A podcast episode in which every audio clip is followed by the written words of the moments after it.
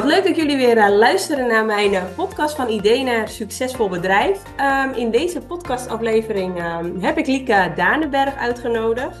Um, ik ken haar van vroeger. We zijn uh, opgegroeid in hetzelfde dorp.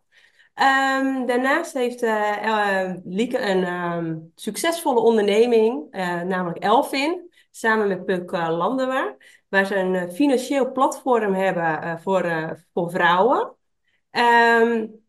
Daarnaast heeft Elfin natuurlijk een missie om uh, vrouwen te inspireren en te helpen om financieel onafhankelijk te worden.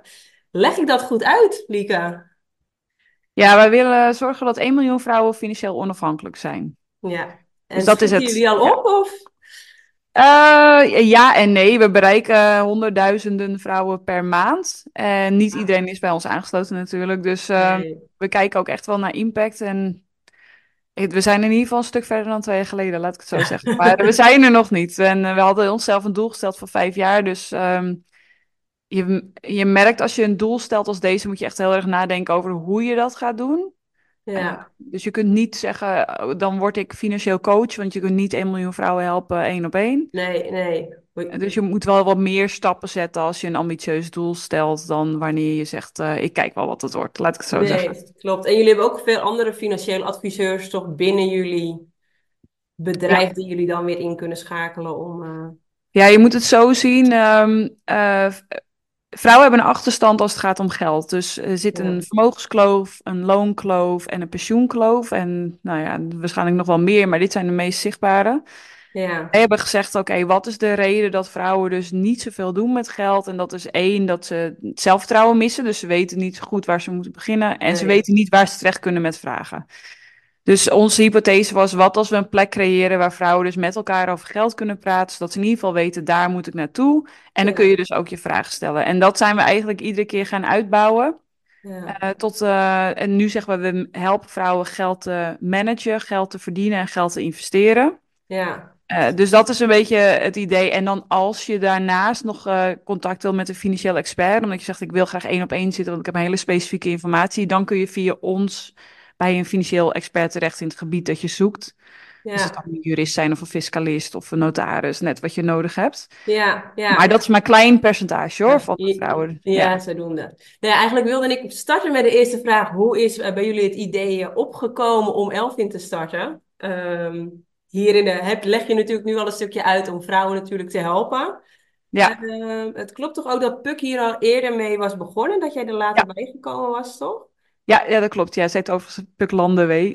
Puklandenwee, sorry. ja. Uh, ja. Nee, geen probleem. Um, ja, Puk die uh, kwam in een situatie terecht waarin heel veel dingen tegelijkertijd in haar leven veranderden op hele korte termijn. En zij werkte toen bij een corporate en verdiende daar echt een heel goed salaris. Maar dat gaf ze voornamelijk ook uit. En ze dacht, oké, nu zit ik een soort van gevangen in deze gouden kooi. Ja. Uh, en ergens zei een collega toen uh, tegen haar van, ja, ik ben aan het beleggen. En uh, die vertelde daar kort wat over. En ze dacht, oh, maar daar moet ik me in verdiepen. Ja. Wat zij toen is gaan leren, heeft ze gewoon geschreven. Want haar achtergrond is ook echt publishing en content en copy. En er is ook echt ja. steengoed in. Dus zij is gewoon gaan documenteren wat ze tegenkwam met het idee. Dan help ik in ieder geval iemand anders daarmee. Ja. En dat was haar blog, dat heette Fire for Women. Oh ja, ik haakte iets later aan. Ik was aan het ondernemen. Ik was toen met mijn, ik denk, tweede bedrijf. Nee, ik was net begonnen met echt net. Uh, ik had net mijn baan opgezegd. Ik was begonnen met ondernemen. Ja. En mijn accountant zei: Je moet je pensioen gaan regelen. En ik dacht, nou, er is niks saaiers als het regelen van je pensioen. Daar zit je echt niet op te wachten. Ik was nog bezig met een website maken en klanten werven en weet ik het. Maar ja. ik dacht ook, laat ik niet onverstandig zijn en uh, dat uh, beet gaan pakken. Ja. Dat was in 2017. En op dat moment kwam ik erachter dat de informatie is, be is best wel te vinden over hoe je met je geld om moet gaan. Maar er was gewoon niemand die op mij leek, behalve Puk. Dus zo heb ik Puk leren kennen. Ik heb haar benaderd en uh, we zijn samen gaan sparren. En dus met die hypothese van, oké, als je wil gaan beleggen, wil je eerst daarvoor weten hoeveel geld heb je, waar wil je het aan besteden, uh, kun je misschien meer geld verdienen en dan ga je beleggen. Uh, maar dat hebben we altijd naast ons werk gedaan. Dus Puk werkte nog in haar publishingbaan en ik had toen een PR- en marketingbureau voor de IT-sector samen met iemand anders. Ja. En deden we het gewoon erbij. Ja, Nee, maar gaaf. En nu zijn jullie natuurlijk gewoon fulltime bezig met Elvin. Ja, ja dus dat gaat stap voor stap. In het begin deden we het ernaast en het ging op zich prima. We hadden wel altijd freelancers om ons heen en nog steeds die dan werk voor ons deden. Ja, Uiteindelijk hebben we gezegd, eh, we zaten bij elkaar in Amsterdam, ik weet het nog heel goed. We waren een beetje aan het praten van, oké, wat is nou eigenlijk ons doel? En toen hebben we heel lang gezegd, het moeten 1 miljoen vrouwen worden. En dat voelde Ja. toen, kreeg echt kippenvel op onze armen. dachten, oeh, dat is wel echt heel veel. ja, En ik zei het in het begin ook al, op het moment dat je zo'n doel stelt, denk je, oké, maar hoe ga ik 1 miljoen vrouwen iets leren over geld? En dan moet je na gaan denken over, hoe kan je het schaalbaar maken? Kan Ja. het wel alleen in Nederland dan? Want zijn er wel genoeg vrouwen in Nederland dan? ja, dit zouden willen. En dat was ook het moment dat we dachten, nou, dan, dan moeten we het groter maken. Dan moeten we techniek gaan ontwikkelen. En dan moeten we internationaal gaan. Ja, Eh, En dan ga je nog niet meteen dat van dag één op twee doen. Maar zo Nee, zijn we bij funding aangekomen. Hebben we geld opgehaald. We zijn nu met onze tweede investeringsronde bezig. En eh, ja, dan groei je zeg maar door tot het niet meer kan dat je het gaat combineren. En ja. toen heb ik het eh, PR-marketingbureau verkocht. En mijn compagnon wilde ook graag stoppen. Dus toen eh, zijn we ermee gestopt. En Ja, verder. Ja, Ja, en Is- Puk heeft haar baan opgezegd, dus toen- dat deed, die deed dat eerst en daarna ging ik dat bureau verkopen. Ja. Is nu, eh, ja, Elfin bestaat nu eh, twee jaar en een paar maanden. Jeetje, nou, gaaf hoor. En toch wel in een korte tijd zo snel gegroeid even goed. Want ik zie jullie Ja. best wel her en der voorbij komen. Bijvoorbeeld Ja, we zijn heel goed in PR. denk ik, hé, hey, Elfin. Ik denk, hé, hey, daar heb je ze weer. Ja, nee, dat klopt, dat klopt. Ja, dus het heeft ook met, eh, we hebben altijd een marketingachtergrond. Ik heb dan nog een tijdje in IT gewerkt, maar ook altijd met een marketing-oog. En eh Puk dus in de brand publishing, echt branding en dus kanalen eh, beter maken. Ja, Dus wij hebben gezegd, waar zijn we goed in? Nou, we zijn in ieder geval goed in het creëren van bereik. Dus dat, dat is wat we, waar we mee zijn begonnen. En we zijn, hebben dus altijd oog op de PR.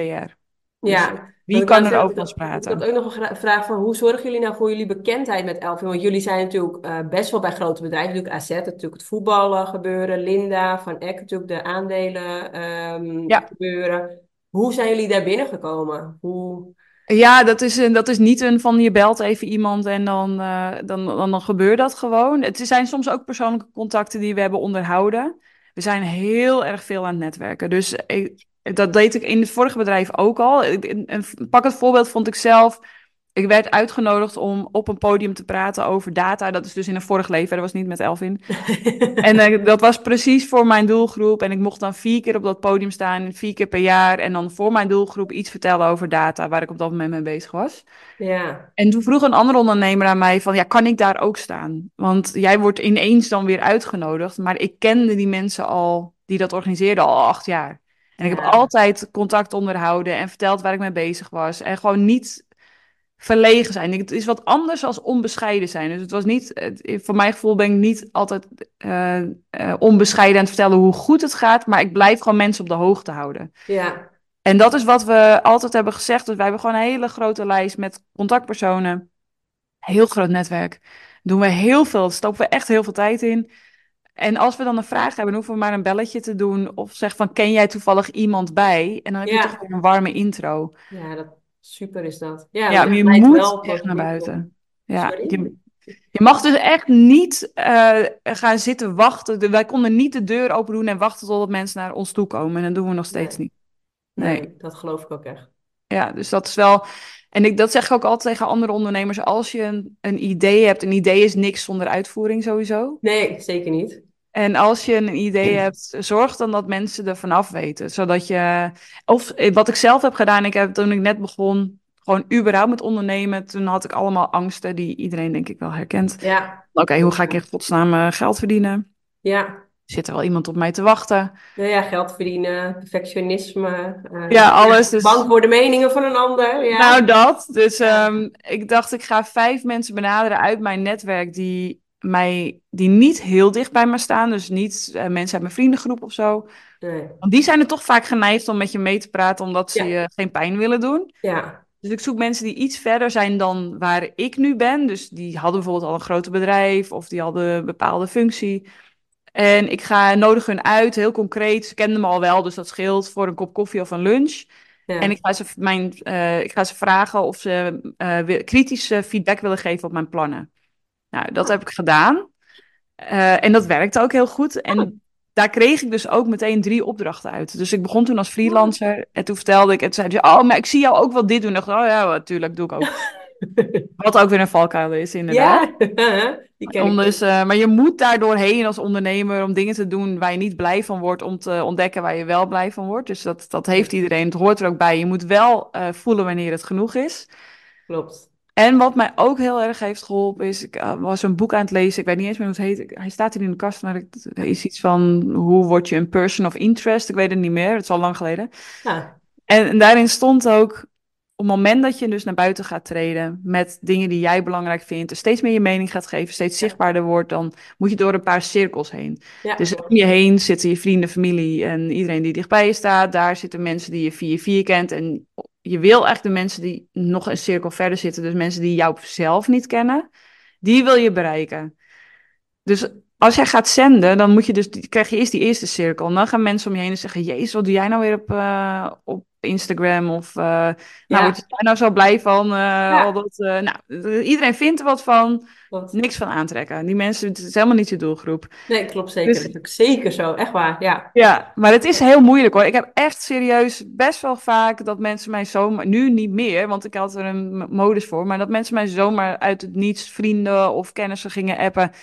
Nou, wat je nou weer op Instagram zegt, dat vind ik echt, dat moet je echt niet meer doen. Of je huisstijl is stom. Of waarom eh, maak je filmpjes van dit? Of Ja. eh, allemaal. En ja. ik dacht, oké, dan gaat het dus goed, want dan bereik ik nu de eerste cirkel. Je valt in ieder geval op. Dat is, ja, Ja, je kunt pas naar die laatste cirkel, als je eerst door die eerste heen gaat. En als niemand wat zegt, dan heb, doe ik het blijk- blijk- blijkbaar niet goed. Nee, klopt. En van wie moet ik me wat aantrekken en van wie moet ik me wat minder aantrekken. Dus Ja. als zij niet op een punt zaten waar ik zou willen zijn, dan zei ik altijd dankjewel voor je feedback. En soms zei ik er nog bij, ik doe er niks mee. Nee, klopt. Maar dat is wel echt de les die je echt wel moet weten. Want je gaat kritiek krijgen, linksom of rechtsom. En het is super belangrijk dat je er wel weet mee om te gaan. Want anders ga je nooit verder komen daarmee. Met je, Nee. met je business. Dus dat is wel echt een, eh, een hele goeie. Ehm, een andere vraag. ehm, is natuurlijk dat je zelf ben jij en natuurlijk een creatief brein. Dat ik heb je natuurlijk even allemaal eh, even onderzocht. En eh, dat je een creatief brein hebt en dat je dat natuurlijk echt wel kan inzetten voor ehm, commerciële doeleinden. Wat is, ehm, hoe weet jij of nou een idee succesvol kan zijn of aan welke criteria moeten ze daaraan voldoen? Voor ons is het zo, als het niet verkocht wordt, is het niet succesvol. Gewoon heel helder. Heel helder. En dat is ook de reden dat wij nooit dingen afmaken voordat ze verkocht worden. Dus wij zeggen altijd, als je het één keer kunt verkopen, kun je het duizend keer verkopen. Want dan, maar dan moet je dus de juiste doelgroep vinden om dus naar die duizend te gaan. Ja, Om de, de fouten die wij gemaakt hebben, is te veel van- vanuit onszelf. Want wij hebben alle twee een creatief brein. Dus wij verzinnen zo'n beetje vijf ideeën per dag. ja. Eh, dus kill your darlings. Ja, nou, ja, en, dat en is, het- is heel leuk, maar ook Ja. heel vervelend soms. Je wordt er enorm enthousiast altijd van. Eh, we schrijven ze wel op als we denken van nou, hier kunnen we nog wat mee. Maar we gaan ze niet meteen uitvoeren. Want wij, dat hebben we wel eens gedaan. Dat heeft ons heel veel tijd en geld gekost. Omdat we dan iets lanceerden waarop van de doelgroep zei van... "Mwah, ja, leuk voor jullie, not for me. Ja, Dus dat, dat doen we eigenlijk niet meer. Dus, en om, een om het een beetje concreet te maken, als wij een cursus lanceren, dan gaan wij eerst dus aan onze achterban vragen. Of als wij een idee hebben voor een cursus of voor een bepaalde insteek, dan vragen we eerst aan onze achterban: wat willen jullie van ons? ja, Wat zou jou helpen om naar de volgende stap te gaan? ja. En die feedback gebruiken we om iets te maken. En dan nog steeds kun je niet altijd zes gooien, want wij hadden in december een pensioenspecial. In december is altijd iedereen met zijn pensioen bezig. Wat superleuk is. En wij hadden een instapper gemaakt. Die kon je gewoon downloaden met waar moet je nou op letten als je met je pensioen bezig gaat. En dan konden ze uiteindelijk dus de verdiepende cursus daarover kopen. En we hadden binnen 24 uur 1000 leads. Dus we dachten, oh, nou, zoveel hebben we er nog nooit gehad in 24 uur. Dus dat is helemaal goed. Maar het verkocht niet. Hmm. Dus ja, er zijn wel wat verkochten, maar niet zeg maar de aantallen die wij gewend zijn. Onze conversies meestal tussen de 10 en 15 procent. Ja, Dus toen zeiden we, oké, maar wat is hier dan aan de hand? En dan, dan duik je dus daar. Het is ook geen fout. We zijn, we zitten dan niet tegen elkaar te schelden van, jezus, wat hebben wij nou weer gedaan? ja, Maar we zeggen, oké, wat kunnen we hiervan leren? Dus, en we leerden dat pensioen aan zich mensen belangrijk vinden, maar het is zo ver weg en te abstract om echt concreet mee aan de slag te gaan. Ja. Dat, dat kun je niet van 0 naar 100 lanceren. Dan moet je echt zeggen: oké, we gaan eerst kijken naar je inkomsten-uitgaven. Wat zijn je dromen en doelen? Hoe is je financiële planning? Heb je genoeg geld? Nou, dus dan moet je toch weer terug naar die stappen.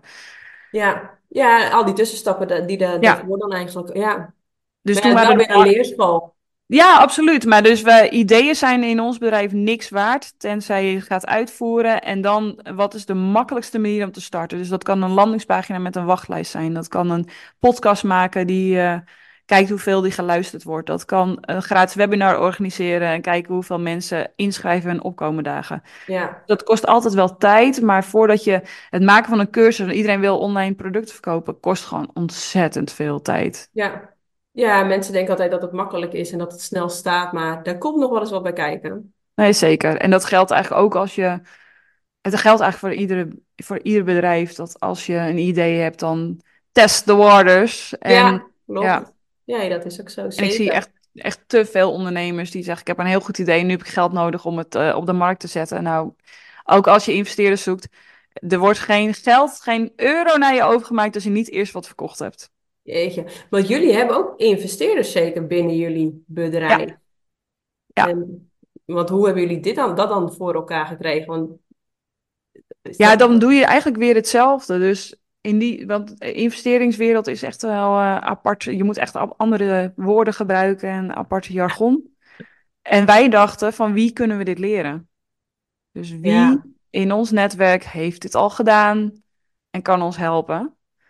En zo zijn we eigenlijk begonnen. Dus we hebben ook weer, ik denk iets van vijf of tien vrouwen en mannen benaderd. Oké, jullie hebben dit gedaan. Wat zijn je stappen jullie geweest? Ja, En uiteindelijk zeg je, kun je me ergens introduceren? En het, de investeringswereld is ook weer niet zo groot dat op het moment dat je bezig bent met het werven van fondsen, dan eh, kennen ze elkaar ook wel. Dus toen kregen wij heel snel alweer uitnodigingen van investeerders die zeiden van, hey, we horen dat jullie, eh, we hoorden via via dat jullie een interessant bedrijf zijn, we willen graag met jullie praten. ja. Dan begin je gewoon weer, doe je dat spel eigenlijk weer. Dus Ja, zo- dan gaat dat netwerk eigenlijk ook weer, eh, ook weer Ja. rond. Ja, ja, ja, klopt. Dat is ook zo. Ja, Dus het, maar het lijkt zo ver weg en dat is ook zo. En je moet ook wel toegang hebben tot dat netwerk.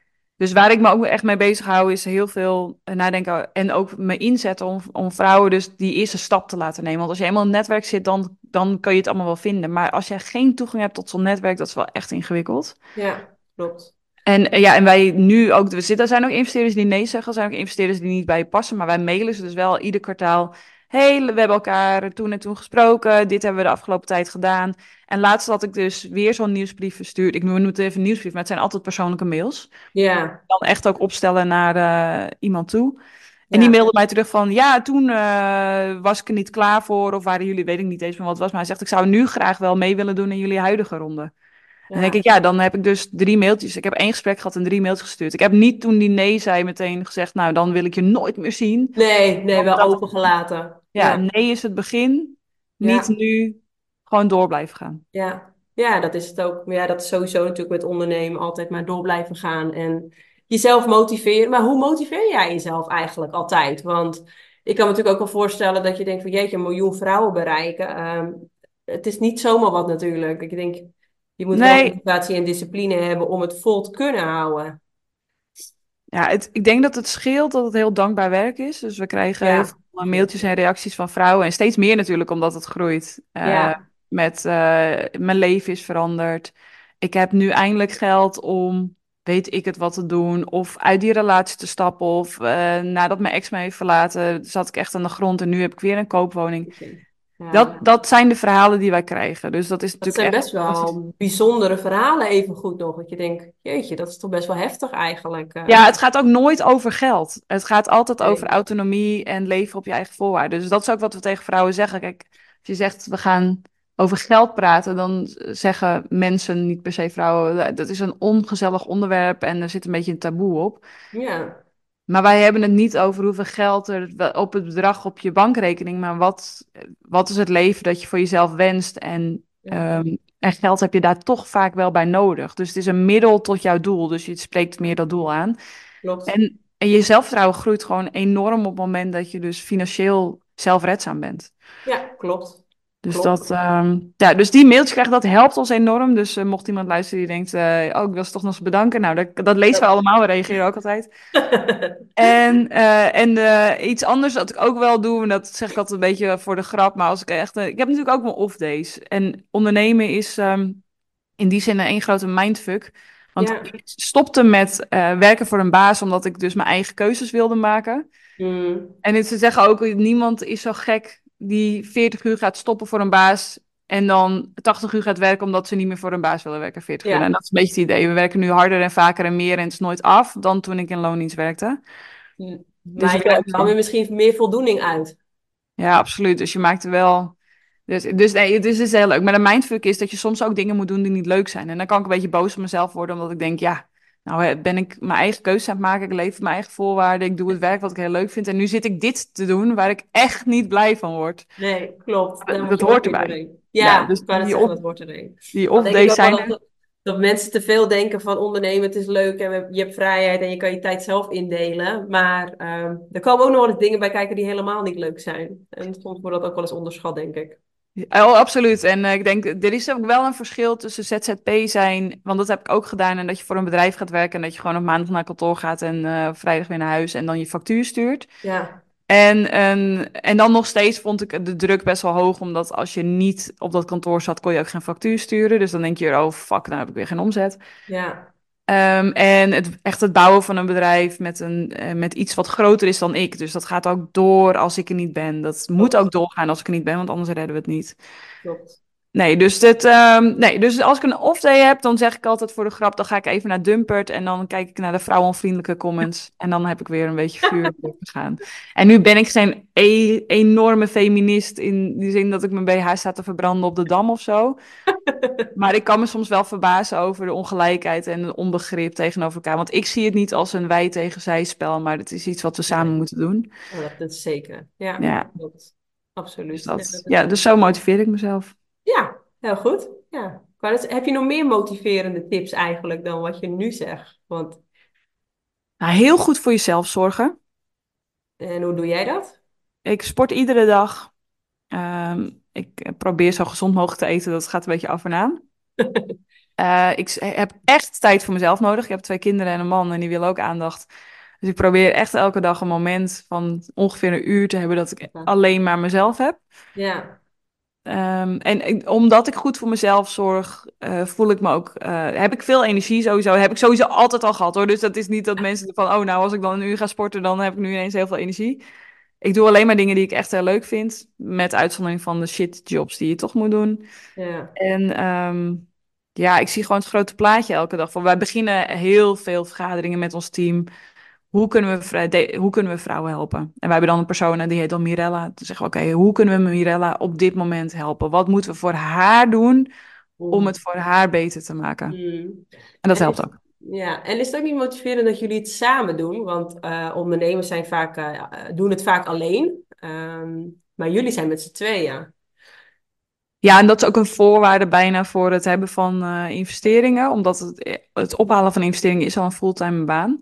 Absoluut. Kijk, Puk is, eh, Puk is mijn eh, compagnon. Die woont in Zwitserland. Maar die, wij hebben de leuke eh, wisselwerking dat als de een van ons een beetje doorheen zit, dat de ander er juist helemaal niet doorheen zit. Dus we trekken elkaar dan door die momenten. We hebben heel veel goede inhoudelijke gesprekken. We hebben ook heel veel gesprekken over hoe het privé en werk met elkaar verweven zit. En, en we zijn het echt niet altijd, we zijn het denk ik vaker niet dan wel met elkaar eens. Maar omdat we dus zoveel begrip voor elkaar hebben, zijn die eh, discussies uitdagend en leuk. En weten we ook, dit gaat geen breuk opleveren. Nee. Want we komen iedere keer toch weer bij elkaar. Dus het motiv zij, kan, zij is echt een ideeënmachine. Dus zij kan mij eh, op zondag een voice sturen waarin, waarin ze vijf ideeën plot en waarvan drie ik meteen enthousiast ben en nog een paar vragen heb en denk, nou, dat zou nog beter kunnen. Ja, Twee denk van, nou, die nu even niet. En dat vind ik gewoon heel tof dat ze dat dan zo doet. En Ja. dat eh, geeft mij ook echt heel veel energie, ja. ja, dat geloof ik ook wel. Want je, je bent toch met elkaar en je kan toch even allebei je ei kwijt. En Ja. eh, het helpt elkaar ook weer om door te gaan. Ja, het is ook ingewikkeld, want dit is mijn tweede compagnonschap. Het is echt een huwelijk. Je moet, ja, je moet eraan werken, je moet eraan blijven werken dat die relatie goed is. Klopt, klopt. Ja, ik wou net zeggen, je wil ook niet met ruzie uit elkaar gaan, want dat is natuurlijk ook Nee. alweer, ehm, wat ook nog wel eens gebeurt natuurlijk, als je natuurlijk met z'n tweeën bent. Ja, heel vaak ook, omdat ehm, eh, wij hebben in het begin ook, en dat heb ik ook bij mijn vorige kampioenschap gedaan, hebben we de vraag aan elkaar gesteld van hoe zit je in het leven, wat vind je belangrijk? Dus niet van waar wil je heen met het bedrijf, maar wie ben jij als persoon? Goed. Ehm, en is dit je levenswerk of niet? Zodat je toch wat hobbels weg kan strijken. Nee, ik denk dat je dat heel goed gedaan hebt. En dan in het vorige kampioenschap en nu ook hebben we dat steeds vaker, gaan we dat, eh, vertellen we dat. En ik, nou, ik ben West-Fries, net als jij, dus Ja, ik vind het, vond en vind het soms wel moeilijk om te vertellen wat ik voel en hoe ik het zie. ja, Maar de- dat heeft Puk wel echt eh, eruit ges- uitgehaald van ja, als jij mij niet vertelt hoe je je voelt of hoe je het ziet of waar je tegenaan loopt, dan kan ik je niet eh, goede feedback geven, helpen of ondersteunen. nee. Dus we, we hebben één keer per maand nu aandeelhoudersvergadering. En de eerste vraag is altijd, hoe voel je je? Ah, En dan leg je dus alles op tafel. Dan, dan kan je niet zeggen van, ja, het gaat goed, eh, punt 2. ja, Dat mag dan. Je moet echt zeggen, hoe is afgelopen maand geweest? Wat vond je leuk? Wat vond je niet leuk? Hoe is de samenwerking? Waar loop je tegenaan? En als er dus dingen niet goed... Want het kan, hè, in een kampioenschap dat je iets zegt waarvan de ander zegt, nou, dat vind ik echt niet fijn. Dan moet dat meteen uitgesproken worden. ja, zeker, snap ik. Maar onze West-Friese achtergrond heeft natuurlijk ook dat we onwijs eh, nuchter zijn. Mhm. En ik denk dat dat juist ook wel weer heel veel voordelen heeft. Ehm, in het maken van snelle keuzes, eh, beslissingen maken. Ehm, heeft jou dat ook al veel, eh, veel geholpen? Nou, sowieso de werkmentaliteit. Ja. Maar goed, nou kom je ook uit een onderneming, familie, Ja, ja, familie. Wel op een iets andere manier, want dat was een eh, agrarisch bedrijf. Dus dan ben je iets Jawel. meer afhankelijk van de elementen. En je hebt gewoon, je kan iets minder sturen voor mijn gevoel. Mm, Maar wel, kijk, ik denk wel, wat ik er vroeger ook van vond. Mijn vader die was echt altijd bezig met, ik moest altijd werken. Ook toen ik echt al heel jong was, moest ik bollen pellen. En, eh, Ja. en niet vanaf 13 dat mensen jong zijn, echt vanaf 9. ja. En eh, ik mocht ook geen vrij in de vakanties, want dan moest ik werken. En dan mijn vriendinnen mochten dan één dag vrij en ik mocht geen vrij. En dan haalde die me gewoon uit bed. Nou, dan heb ik echt wel, wel eens eh, gezegd, leave me alone. Dan had je, je het slechter dan mij, denk ik. Ik denk, ik- Ja, ik, ik vond het toen gewoon oneerlijk. Ik weet Ja, niet dat of het snap slechter ik. is, maar ik, het voelde heel oneerlijk. Maar ja, goed, eh, ik had wel weer genoeg geld om naar de kroeg te gaan. Dat Ja, dan. dat weer wel. En ehm, ik, ik, ehm, of me geholpen, ja, ik heb, zie sowieso weinig. Ik heb altijd een oplossing, dus ik zie weinig obstakels. Er is altijd een Ja. workaround. En mijn kinderen zeggen ook altijd, ja, mama weet, niet mama weet het, mama weet, dat zegt ze niet, maar ze zeggen altijd, mama heeft een oplossing. Ja, klopt. En dat is ook echt zo. En ik, maar ik ben ook, het houdt me ook wel eens tegen in die zin. Want ik kan ook wel. Ik vind dat dingen simpel moeten zijn. Dus dan komt geld in, gaat geld uit. En er moet meer geld inkomen dan uitgaan. Maar als je in een start-up zit, zoals wij zitten, dan moet je dus ook heel veel investeren om continu groei te laten zien. En het idee is niet dat je per se elk jaar zwarte cijfers draait, maar dat je groei laat zien. Dus ook een, je kent vast voordeel, voorbeelden van Zalando, die nog nooit een jaar in zwarte cijfers. Weet- Volgens mij is dat nu niet meer zo, maar die heeft misschien 15 jaar eh, miljoenen verlies gedraaid. Ja, Met het idee, alles wordt geïnvesteerd om te groeien. En dat, het heeft mij in die zin, ik moest echt een ander persoon worden. ja klopt. Nee, dat, dat, is, eh, dat is zeker zo. Dat eh, ja, klopt. Dat geloof ik, ja. Ehm, wat voor vraag heb ik nog meer? Ja, je hebt eigenlijk natuurlijk ehm, meerdere ondernemingen op je naam staan. Ja. Eh, je bent natuurlijk docent, eh, spreekster, want je spreekt volgens mij ook regelmatig. Ja. Ehm, mijn vraag is, hoe hou jij balans tussen jouw Mhm. gezin, vrije tijd, eh, je ondernemingen? Hoe doe je dit? Nou ja, door er gewoon niet te veel over na te denken sowieso. Nee, nee, Bovenaan. dat- bovenaan, ja. Ehm, het korte antwoord is, ik doe alleen maar dingen die me energie geven. Het lange Ja. antwoord is dat ik daar wel een tijdje over na heb moeten denken en, eh, en mijn neus heb gestoten door dingen te doen waar ik enthousiast van word, maar geen energie van krijg. Ja, Dus ik zeg ook wel graag ja tegen dingen. En nu ben ik eh, mezelf aan het leren om meer nee te zeggen. Dat scheelt echt al enorm. ja, Ehm, en maar ik kan ook, er zijn er gewoon een paar dingen waarvan ik dacht, ja, mijn, mijn eigen trigger is dat ik het leuk vind om moeilijke dingen makkelijk te maken voor mensen, zodat zij daar succes mee krijgen. Dan zit ik eigenlijk het allerlekkerste in mijn vel en dan voel ik me echt als een vis in het water.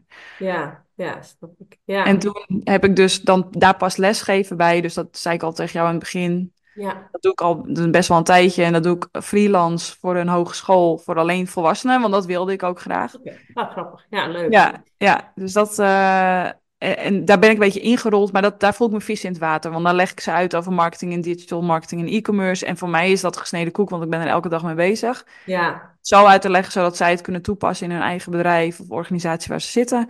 Dat, dat voelt me gewoon echt helemaal senang. Dat heb ik bij Elfin dus eigenlijk ook. Ik vind het heel fijn om dus ingewikkelde dingen makkelijk te maken voor de doelgroep. En na te denken over, oké, wat, kan ik nu wat kan, wat kan ik doen zodat zij succes krijgen? ja. Het eigenlijk En- makkelijk vertalen van iets wat natuurlijk best wel ingewikkeld is. Want pensioen Ja. en, en geld kan natuurlijk best wel beleggen, eh, best wel ingewikkeld zijn Ja. eigenlijk. Ja, en nu doe ik dan zelf niet de uitleg, maar ik zorg ervoor dat er een plek is waar Ja. die uitleg komt. Ja, Ehm, en, dat, en ik vind het ook superleuk. We hebben, echt, we hebben nu weer een partnership met de Linda. En we gaan eh, ook weer met een paar andere grote partijen samenwerken. Dat vind ik ook heel leuk. Om dan, zij zitten in een grote organisatie. Ze komen niet in aanraking met deze doelgroep. En wij kunnen ze vertellen hoe ze de brug moeten slaan. ja, Dus dat is leuk. En bij dat hele stuk wat we doen, hoort dus ook evangeliewerk, noemen wij dat. Want er zijn gewoon heel veel vrouwen die gewoon nog niks met geld doen. En wat helemaal prima is. ja, Iedereen heeft ergens in zijn leven nodig dat iemand meekijkt met de financiën. Daar Ja. zijn we echt van overtuigd dat dat zo is. Zo heb ik het zelf ook ervaren. Alleen niet iedereen heeft dat op hetzelfde moment op dezelfde manier.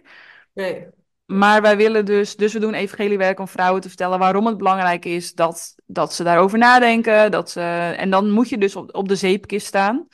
ja, En mijn idee was, als je dat doet, dan moet dat verhaal ook echt goed zijn. Dus waarom ga ik nou niet meteen zorgen dat ik dan een betaald spreker word op dat onderwerp? Want dan challenge ik mezelf om het goed te doen. Want als Ja. je er geld voor krijgt, dan moet er waarde in zitten. ja, Dus toen heb ik gewoon mezelf een doel gesteld. Over twee jaar heb ik eh, iedere maand een aantal betaalde sprekersklussen. Ik heb eh, een paar trainingen gedaan. Ik ging namelijk een training, dat is echt een, denk ik, een typische Lieke voorbeeld. Ik ging een training doen bij een sprekersbureau, want ik dacht, oké, wie kan mij beter helpen dan een sprekersbureau? Ja. Als je betaald spreker wil worden. Ja, ik weet ook al wie je bedoelt, volgens mij, welk sprekersbureau. Ja, een cup of ambition is ja, dat. ja, Ja, precies. Dus ik dacht, Ja. nou, die weten hoe dat werkt. En dan doe ik het ook bij hun. En als ze dan zien hoe goed ik ben, dan gaan ze me vanzelf wel aanbieden bij hun klant. Dat, dat is even de simpele gedachte waar Ja, veel mensen op eh, aanslaan. Dus ik had een training bij hun gekocht. En eh, het was echt een superleuke training trouwens. Die meiden zijn echt fantastisch. Oké, Ehm, gaat toch op mijn lijstje. ja, nee, echt eh, voor het aanscherpen van je verhaal, maar ook je netwerk. Het is echt een fantastische club. Dus shout-out to them. Ehm, wat ik merkte was dat het, het is niet alleen het hebben van het verhaal. Het is ook niet alleen hoe sta je op het podium. Het is ook weer jezelf naar buiten brengen en zeggen dat je dit doet. Ja. Dus ik kwam erachter dat ik nu wel de vorm had en de inhoud had. En ook had geleerd hoe ik dat zelf kan maken. En dan moet je nog steeds oefenen. Het is gewoon werk. Dus je moet ook nog uren erin stoppen om het, te, het eh, aan te scherpen en, eh, en te oefenen.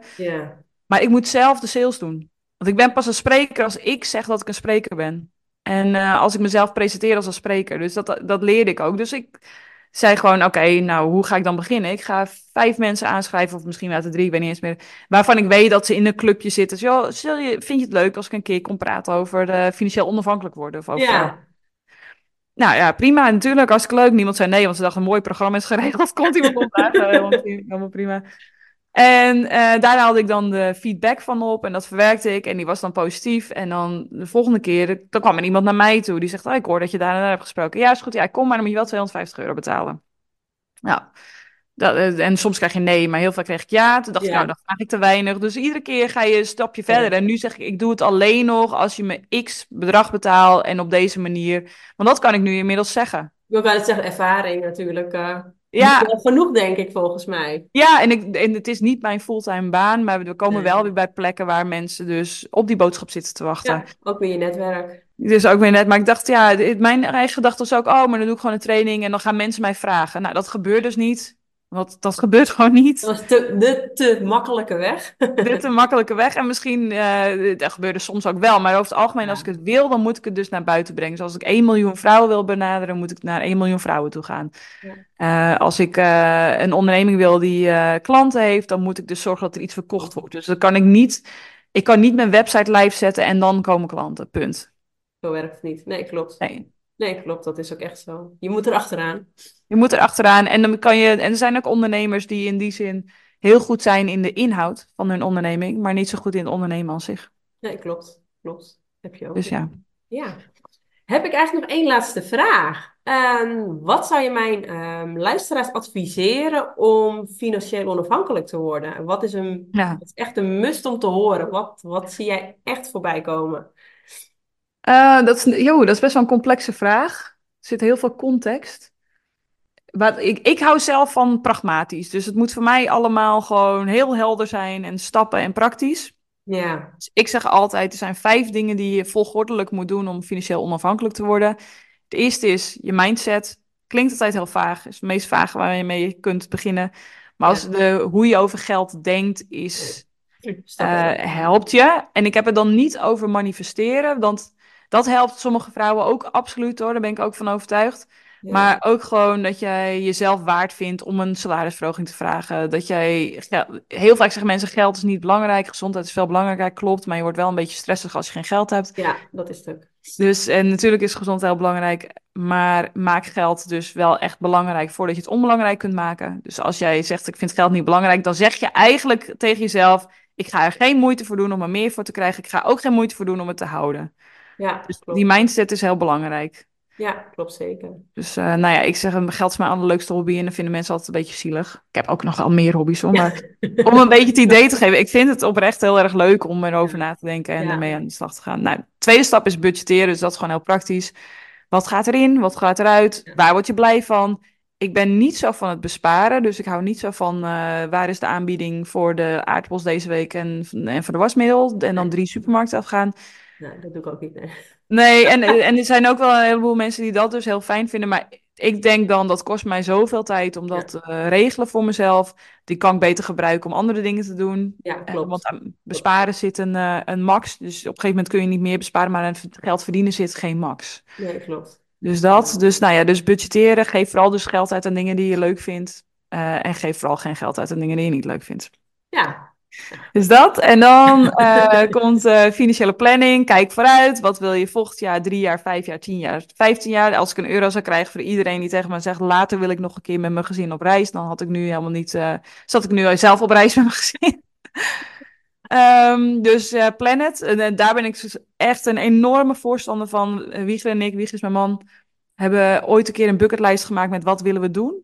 Ik denk dat de helft daarvan afgestreept is al meer dan de helft. Omdat we dus gewoon die doelen hebben gesteld. En gezegd, oké, dan gaan we geen excuses. Dit is het. Uitzoeken wat het kost. Wanneer willen we dat gedaan hebben?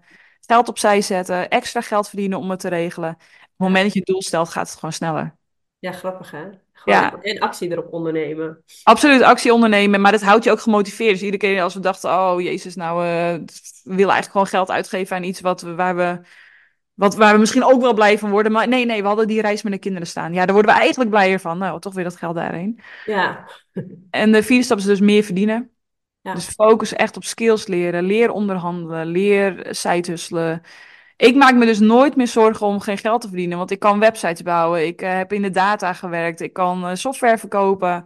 Ik kan een bedrijf bouwen. Ik kan spreken. Ik kan echt eh, nu kan zo... heel veel. Ja, dus ik ben heel onbescheiden. Maar ik heb zoveel geleerd de afgelopen jaren dat ik altijd denk, nou ja, als dat niet lukt, dan wordt het dat wel. Ja, dus eigenlijk ook altijd zorgen dat je kennis blijft ehm, vergaren, zodat je altijd wat kan. Ja, blijf nieuwsgierig. Ik denk dat dat heel Ja. belangrijk is om eh, dus die skills. Dus nu ben ik helemaal in AI gedoken. Ik probeer elke dag dan 20 minuten gewoon iets te doen. Ja, En, eh, en nu weet ik al meer dan 70% van de rest van de wereld. Ja. Even, heel, even heel gechargeerd. Ja, maar ik, nee, doe- gebruik het voor het bedrijf. Verder doe ik er niks mee. Maar ik denk, nou, ik kan altijd nog weer cursussen over AI gaan geven. ja, Dus ja, dus leer een skill, leer zeker onderhanden. Heb ik zelf veel te weinig gedaan. Heb mezelf echt, eh daar kan ik me nu, maar heeft, koop je niks voor. Had ik beter moeten doen, heb ik niet gedaan. Gaat me niet nog een keer gebeuren. hoe heb je dat dan nu onder controle gekregen dan onderhandelen? Nou, ik hoef nu niet veel te doen? Of... Ja, en nu, en ik weet gewoon beter hoe ik het, het, het- Voor mij hielp het dat we, wij geven dus masterclass over onderhandelen om gewoon die masterclasses te volgen. Oh, zo, ja. Ja, en dan gewoon te zeggen, oh, zo had je het moeten doen. En ik deed het gewoon echt onhandig. En ook, ik voelde me, ik vond het echt verschrikkelijk altijd om te doen. En het, het moet even gewoon, die onderhandeling is gewoon een ding waar je doorheen moet. En dat heeft niks met jou persoonlijk te maken. Dat had ik even nodig om te horen.